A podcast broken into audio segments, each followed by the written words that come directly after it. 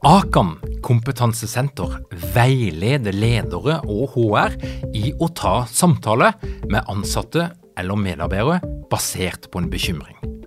Akan setter ledere og medarbeidere i stand til å forebygge og håndtere en problematisk bruk av alkohol, narkotika, legemidler, spill eller doping blant ansatte. Ønsker du å lære mer om god forebygging og gjennomføring av samtale med en som du er bekymra for? Da kan du nå få tilgang på Akan sitt digitale samtalekurs til spesialpris, kun 760 kroner. Målet med kurset er å gjøre deg tryggere i det som kan være en krevende, men viktig samtale å ta i lederrollen. Du får tilgang til kurset med å gå til samtalekurs.no, samtalekurs.no, og bruke kampanjekoden LEDERPODDEN. Tilbudet gjelder ut april. Nå er tida her igjen. 20. mai så lanserer vi neste kull av lederprogrammet. Det betyr at vi inviterer til lanseringsfest den er digital. Vi byr på minikonsert med Ida Jenshus. Du får en speeddate live med alle ekspertene, så godt som. Du får mulighet til å stille spørsmål, du får møtt tidligere deltakere, og vi har selvfølgelig en tombola der det er mulig å vinne fine premier i bokform. Vi har bare 80 plasser på det neste kullet av lederprogrammet, som starter i september og vi åpner for påmelding den 20. mai, og vi legger ut ei oppdatert webside etter lanseringsfesten, sånn at du finner all relevant informasjon der. Men vi inviterer deg på fest, og det pleier å bli veldig gøy. Og du melder deg på på lederprogrammet.no, lederprogrammet.no, og festen er altså allerede 20. mai klokka åtte på kvelden.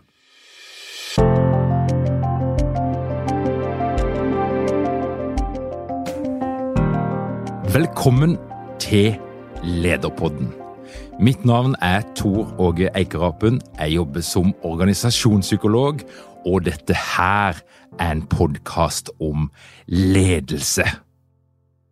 Yo fui elegido para la Cámara de Representantes de este país y que su apellido es conocido en todo el mundo por lo que hice yo. ¿Y qué?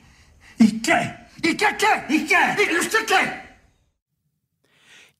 I Netflix sin serie Narkos om narkobaronen Pablo Escobar, i den siste episoden i sesong nummer to, så er det en scene der eh, Pablo er på flukt. Han er på en grisefarm langt, langt ut på landsbygda i eh, Mexico, og han er sammen med sin far, som ikke han har sett på mange, mange år. Og der er det en scene, en krangel, der Pablo er desperat, og han skriker til faren at hele verden vet hvem jeg er, jeg har gjort navnet ditt berømt, jeg ble valgt inn i parlamentet, USAs president kjenner meg, vet du ikke hvem jeg er, vet du ikke hva jeg har gjort? Og det er helt tydelig at faren er ikke like imponert som det Pablo mener han bør være, og det faren sier er hva så?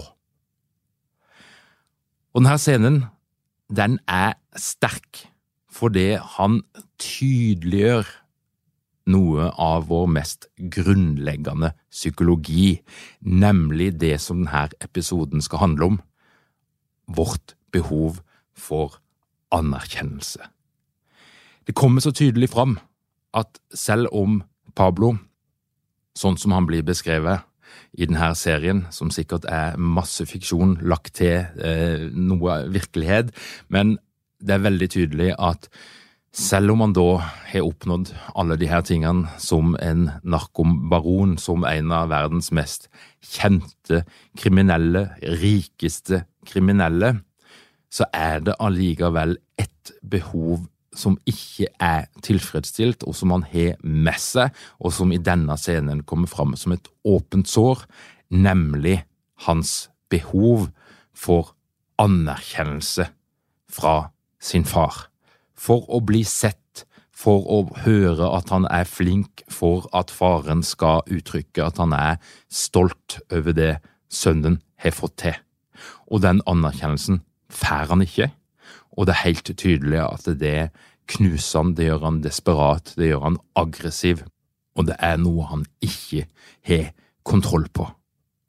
Og det er litt av det som er greia med anerkjennelse, og jeg refererer ofte til det i mine podkaster, fordi jeg tenker at hvis du ønsker å forstå menneskelig samhandling, det som skjer når vi er sammen med andre, og spesielt når det er noe på spill, eller du er i et miljø der du skal prestere, der du skal få noe til sammen, så vil dette her dukke opp, nemlig vårt underliggende behov for anerkjennelse.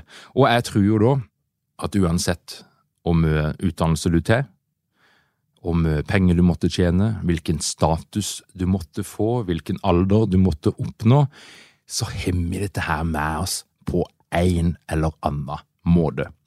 Og I gamle dager, når jeg drev og, og, reiste rundt fysisk og holdt foredrag, så var det en historie som jeg ofte dro fram for å eksemplifisere dette her, og åssen det ligger dypt programmert i oss fra veldig tidlig. Og den historien handler om en av sønnene mine som som liten hadde en periode fra null til to år der han stort sett hver dag våkna halv fem på morgenen. Ganske grusomt egentlig å tenke tilbake på åssen det var, men det som skjedde når jeg da kom inn på rommet hans sitt og hadde hørt at nå, nå, var han vågen der, det var jo at når jeg fikk på lyset, eh, og mitt blikk møtte hans sitt blikk, så så jeg på gutten at det var en eksplosjon av endorfiner og deilige stoffer som ble frigjort i hjernen hans, og du kunne se at han ble fylt av glede, av energi, og grunnen var rett og slett pappa så meg. I dag au. Han møtte blikket mitt, jeg ble sett. Og den reaksjonen der er jo òg veldig gjensidig, så da gjør det ikke så mye om klokka er halv fem. Og Så skulle jeg ønske, for jeg har flere sønner, at jeg kunne fortsette å fortelle denne historien, men eh, han som er i den alderen nå, han eh, reagerer helst med eh, å skrike når han ser meg på morgenen, og rope på mamma. Det er hun som må gjøre jobben ifølge han. Så den historien kommer jeg nok til å fortelle litt mindre framover. Men greia er at små barn de viser jo veldig umiddelbart sitt behov for anerkjennelse. Det er lett å se på dem, både når de opplever at de blir avvist, som jo er det motsatte av å bli, å bli anerkjent, og, og, det er veldig tydelig når de trenger oppmerksomheten, de trenger å bli sett, de trenger at noen er der og bekrefter de og forteller at det de gjør er bra, og, og uansett hva det måtte være for noe. Og det er jo en nydelig greie. Og så merker jo da alle som har hatt øh, fulgt barn over litt tid, at øh, de skal ikke bli så veldig gamle før de begynner å kamuflere dette her litt. Altså der det, der det kommer litt øh, litt rarere reaksjoner, litt rarere handlingsmønster. De kan finne på mye rart som du kanskje i ettertid ser at det handler nok om at det ble litt lite oppmerksomhet en periode, litt lite anerkjennelse, og at de finner på da, ting for å søke den. Altså, poenget er at uh, vi blir ikke veldig gamle før vi begynner å kamuflere dette her behovet for anerkjennelse. Og når vi kommer opp i en viss alder, dette her er jo en gammel klassiker, så, så er det jo eh, sånn at behovet for anerkjennelse det eh, har vi ikke lenger bare retta mot våre foreldre og de nærmeste. Men når vi kommer i skolealder, så er det jo eh, behovet for anerkjennelse av jevnaldrende, av venner, venninner, kamerater. Og det kan jo få de mest ekstreme, rare utslag eh, med at en begynner å konkurrere på alt mulig. Min pappa er sterkere enn din pappa. Min pappa har finere Tesla enn din pappa, som er den nye greia. Eller det som vi hadde veldig mye av i Vennesla, nemlig tissekonkurranse. En utrolig enkel konkurranse som bare gutter var stort sett involvert i. Eh, og konkurransen var rett og slett det at den som tissa lengst, den vant. Og da fikk du heder og ære for dine klassekamerater, du kunne risikere å bli den kuleste i klassen, og det du, var en status du kunne beholde helt fram til det flytta en ny gutt til bygda og begynte i klassen, og han kom ifra Froland, og han kom ifra en Team Ingebretsen-type familie, der de skulle være best i alt. Langrenn, orientering, alt var en konkurranse, og der du hadde en far som bare higa og svetta langt foran i løypa hele tida og trakk ungene med. Og han her hadde selvfølgelig òg da jobba med å perfeksjonere og optimalisere sin vannlating. Og det han eh, hadde greid å, å trene seg opp til, det var jo at han hadde jobba med trykk og vann, så han fikk en stråle som ikke bare var lang, men det var et så sterkt trykk i den strålen at naboene på høsten leide han inn for å ta vekk lauet, spyle vekk lauet. Og eh, da er det klart at eh, den her gutten ble den nye helten i klassen, og av og til så, så kunne det gå gjetord om sånne prestasjoner langt ut forbi kommunegrensene. Og dette her er jo eh, satt litt på spissen, men allikevel et snev av fakta er det at i hvert fall eh, i min oppvekst så husker jeg jo den tida der, altså konkurransen. Hvem er best? Hvem er viktigst? Og gutter fortsetter jo med dette her hele livet. altså Vi samler på de merkeligste ting som vi konkurrerer. altså Det kan være ha lengst fiskestang, det beste teltet, den beste sykkelen, og, og for ikke å snakke om biler, klokker snakke de mest absurde ting, som jeg tenker det handler om mannens litt primitive, litt barnslige måte å fortelle verden se på meg, jeg er viktig. Og det kan jo av og til bli litt patetisk, for greia er jo at som litt over 40 år gammel mann, så kan ikke jeg gå ut i verden og si se på meg, ta på meg, si jeg er flink. Jeg må gjøre det mer subtilt, og jeg må uttrykke meg på andre måter, og det kan jeg jo da for eksempel gjøre gjennom gjenstander, ting som jeg ønsker å bli assosiert med, og som da hever min status, spesielt hos andre menn. Om det er lette ski, rask båt eller fin klokke. Vi har alle våre måter å gjøre det på, men jeg tror nok det er en del kvinner av og til som, som uh, ler litt av oss, for det kan bli litt komisk. Og den mest komiske perioden i mannens liv, det er jo den såkalte 40-årskrisa. Og den 40-årskrisa, hva er det for noe? Vel, jeg tenker vel at 40-årskrisa, det er det punktet der mannen kanskje Og nå er jeg veldig sånn eh, heterofilt, tradisjonelt eh, familieoppsett, så, så beklager, men håper det er greit at vi tar den i dag. Men eh, det som ofte skjer, er jo at når mannen kommer i en viss alder, så har det vært en hektisk periode med redebygging og etablering av familie og små barn og den slags. Og i denne prosessen så kan det være at mannen rett og slett har gått tom for anerkjennelse. Han får lite bekreftelse eller ingen på heimebane. Kanskje tvert imot så får han en del signaler om at han egentlig ikke er ønska der. Og på jobben kan det være det samme som skjer. Altså det er ingen som egentlig bryr seg om den 40 år gamle mannen. Og da blir den 40 år gamle mannen desperat. Og det er i det øyeblikket han da kan finne på å reise ut på XXL og kjøpe seg trange, trange tights og en sykkel til 100 000 kroner og melde seg inn i en triatlonklubb, som jo er den ultimate 40-årskrisa. Og greia er jo at gjennom å gjøre det, så vil du få mer bekreftelse. Du vil få bekreftelse fra de andre i klubben at du har en fin sykkel, og om jeg er i ferd med å komme i balanse igjen. Men Spøk til side. Jeg håper du skjønte at dette her var litt ironisk. Ja, Hvis ikke så må jeg bare putte på den merkelappen. Er du ikke mange ledere uten trening eller utdannelse innen ledelse? Mangler dere en felles kultur og praksis for ledelse? Ønsker dere å være bedre rusta for fremtidig vekst og endring, da kan et internt lederutviklingsprogram være en god investering. I Execu så er vi eksperter på å designe og gjennomføre bedriftsinterne lederutviklingsprogram. Hvis du ønsker å lære mer om hvordan vi kan hjelpe dykken til å få enda bedre ledere, ta og klikk deg inn på execu.no.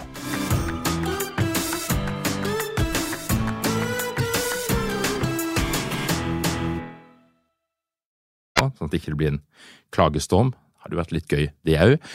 Men vi har dette her med oss. Og jeg vil jo påstå at eh, jeg vet med meg sjøl at når jeg blir på mitt mest vanskelige, vrange og barnslige, det er jo når jeg er i en situasjon der jeg ikke opplever å bli anerkjent, der jeg ikke opplever å få den krediten som jeg mener jeg fortjener, der det er noen som sender signaler til meg om at ikke jeg er viktig, at ikke jeg er kompetent, at ikke jeg har det som trengs. Da blir jeg vrang og vanskelig. Og min erfaring som organisasjonspsykolog når jeg da jobber med, la oss si, konflikter, såkalte vanskelige medarbeidere, ting som har gått galt, der det er en person da som setter seg totalt på bakbeina og nekter å samarbeide, og egentlig bli ganske barnslig, når man skal inn og analysere den situasjonen, så er det veldig ofte der svaret ligger. Det er en person som ikke er blitt anerkjent tilstrekkelig. Det er en person som ikke er blitt sett.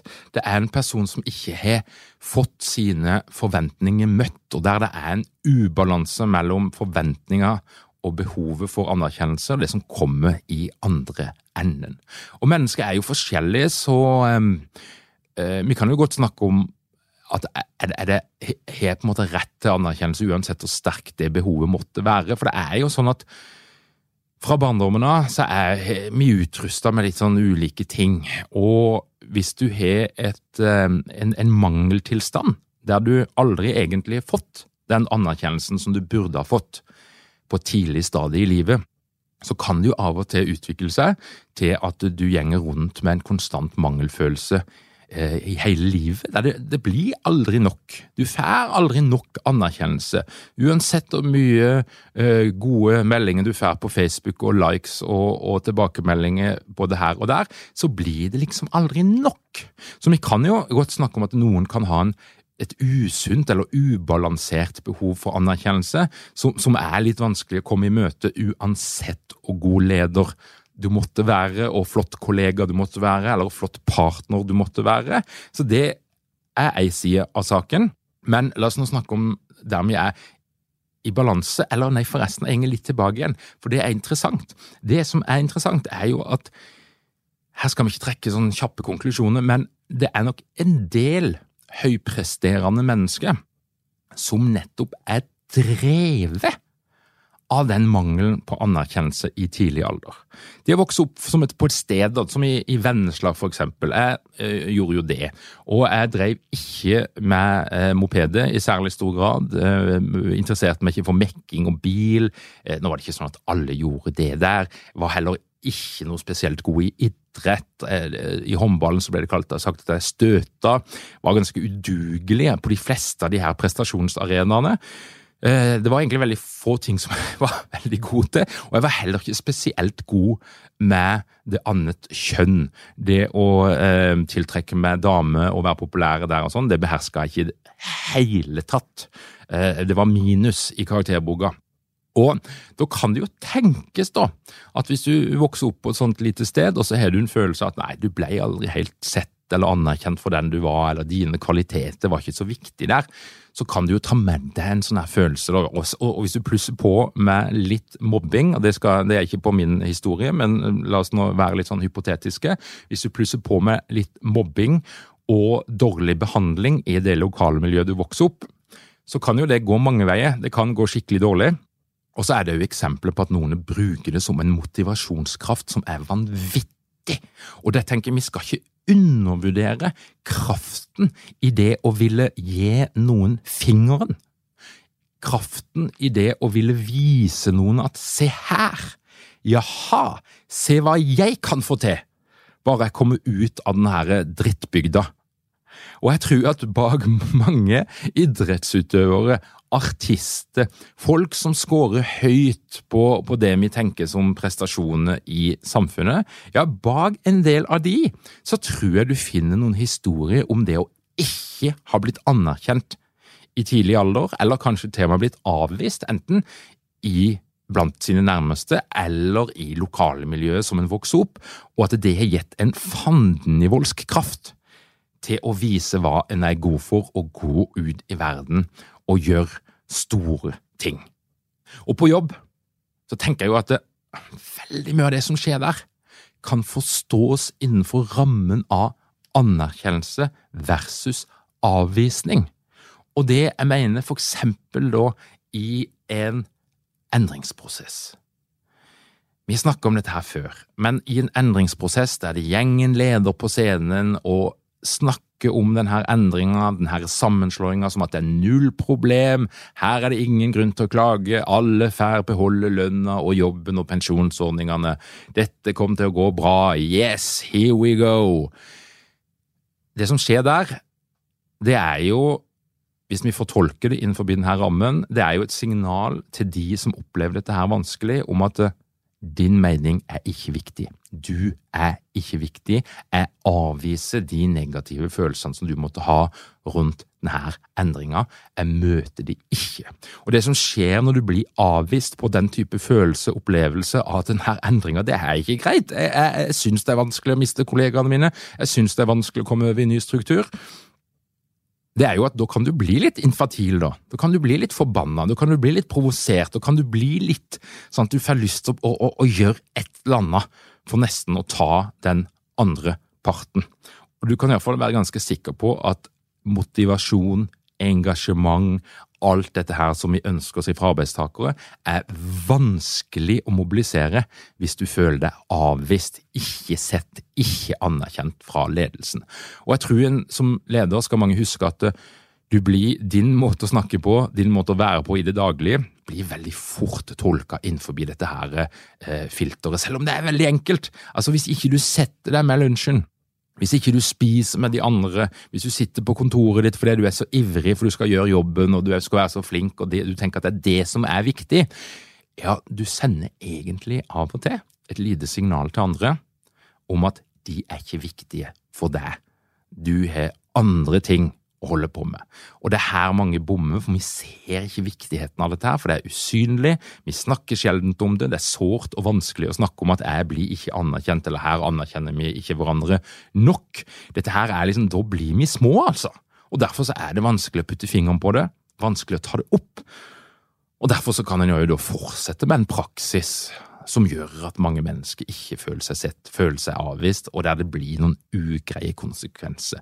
For hvis jeg skal være trygg og god og på mitt beste, ja, så trenger jeg iallfall til en viss grad å føle meg anerkjent. Hvis jeg føler meg avvist, så blir jeg utrygg, usikker, og jeg får fokuset på noe helt annet enn det jeg egentlig skal ha.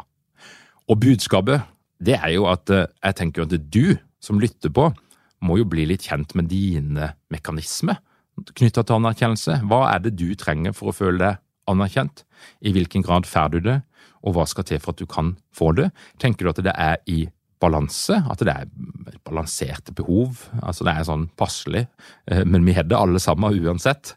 Eh, eller tenker du at det er, det er, for sterkt? Det blir liksom aldri nok. Da er vi jo på vei inn i, i litt sånn dypere type samtale, men det å ha et bevisst forhold til både i hvilken grad trenger anerkjennelse, og mye trenger henne får det ifra i denne jobben, og hvordan gir jeg andre anerkjennelse? Hvordan bidrar jeg til folk føler seg anerkjent i et Teams-møte, i et Zoom-møte, mine kollegaer, de menneskene som jeg møter på min vei? Hvordan bidrar jeg? For ofte så sitter vi jo med en del tanker og følelser som ikke vi uttrykker. Men saft suser, altså. Det skjer mye magi mellom mennesker idet vi tør å anerkjenne folk. Det kan jo være helt tilfeldige mennesker, men når vi tør å si ifra at dette var bra Jeg setter pris på deg, jeg er nysgjerrig på deg, hvem du er. Og tilbake igjen til konflikter og dårlig arbeidsmiljø og vanskelige medarbeidere. Hvis det er noe som veldig fort løser opp i knute, så er det to ting jeg har sett, iallfall. Og det ene er når ledere eller folk med makt og autoritet, eller den som er den sterke i en gitt sammenheng, det kan egentlig være alle, men tør å vise litt sårbarhet. Tør å vise at dette her går litt inn på meg, dette her gjør noe med meg, dette her er litt krevende. Det er nummer én. Og når den samme personen da òg klarer å anerkjenne noe hos den andre, selv om ikke du liker den andre så veldig godt, selv om du egentlig syns den andre er litt drittsekk, men i det øyeblikket du klarer å anerkjenne noe hos den andre, så skjer det noe magisk i relasjoner på jobb og utenfor jobb.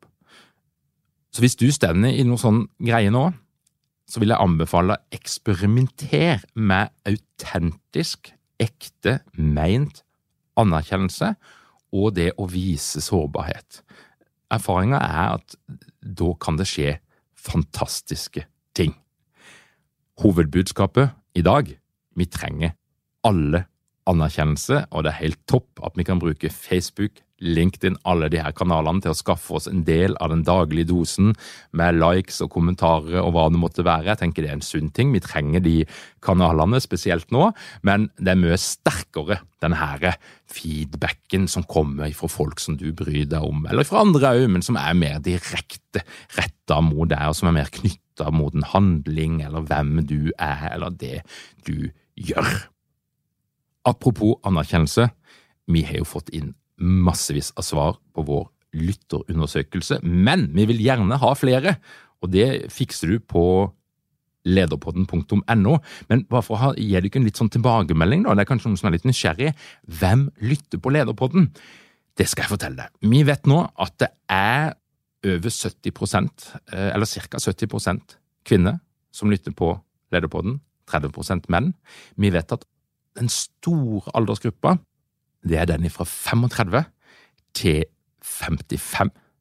Vi vet at de fleste som lytter på Lederpodden, de gjør det fordi de har lyst til å lære mer om ledelse. Og så vet vi jo nå at jeg tror det er ca. 90% av de som hører på Lederpodden, de er i en eller annen form for leder- eller HR-stilling.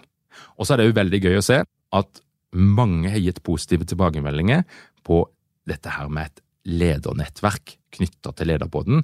Et digitalt ledernettverk som vi holder på å utvikle, så der har vi fått massevis av gode innspill. Men hvis du har lyst til å hive deg på og gi oss enda flere svar, så gjør du det på lederpodden.no. Tusen takk for at du hørte på Lederpodden. Hvis du vil få vårt nyhetsbrev, som kommer hver eneste fredag, og bli med i klubben der du blir orientert om alt det vi finner på, så gjør du altså det på lederpodden.no.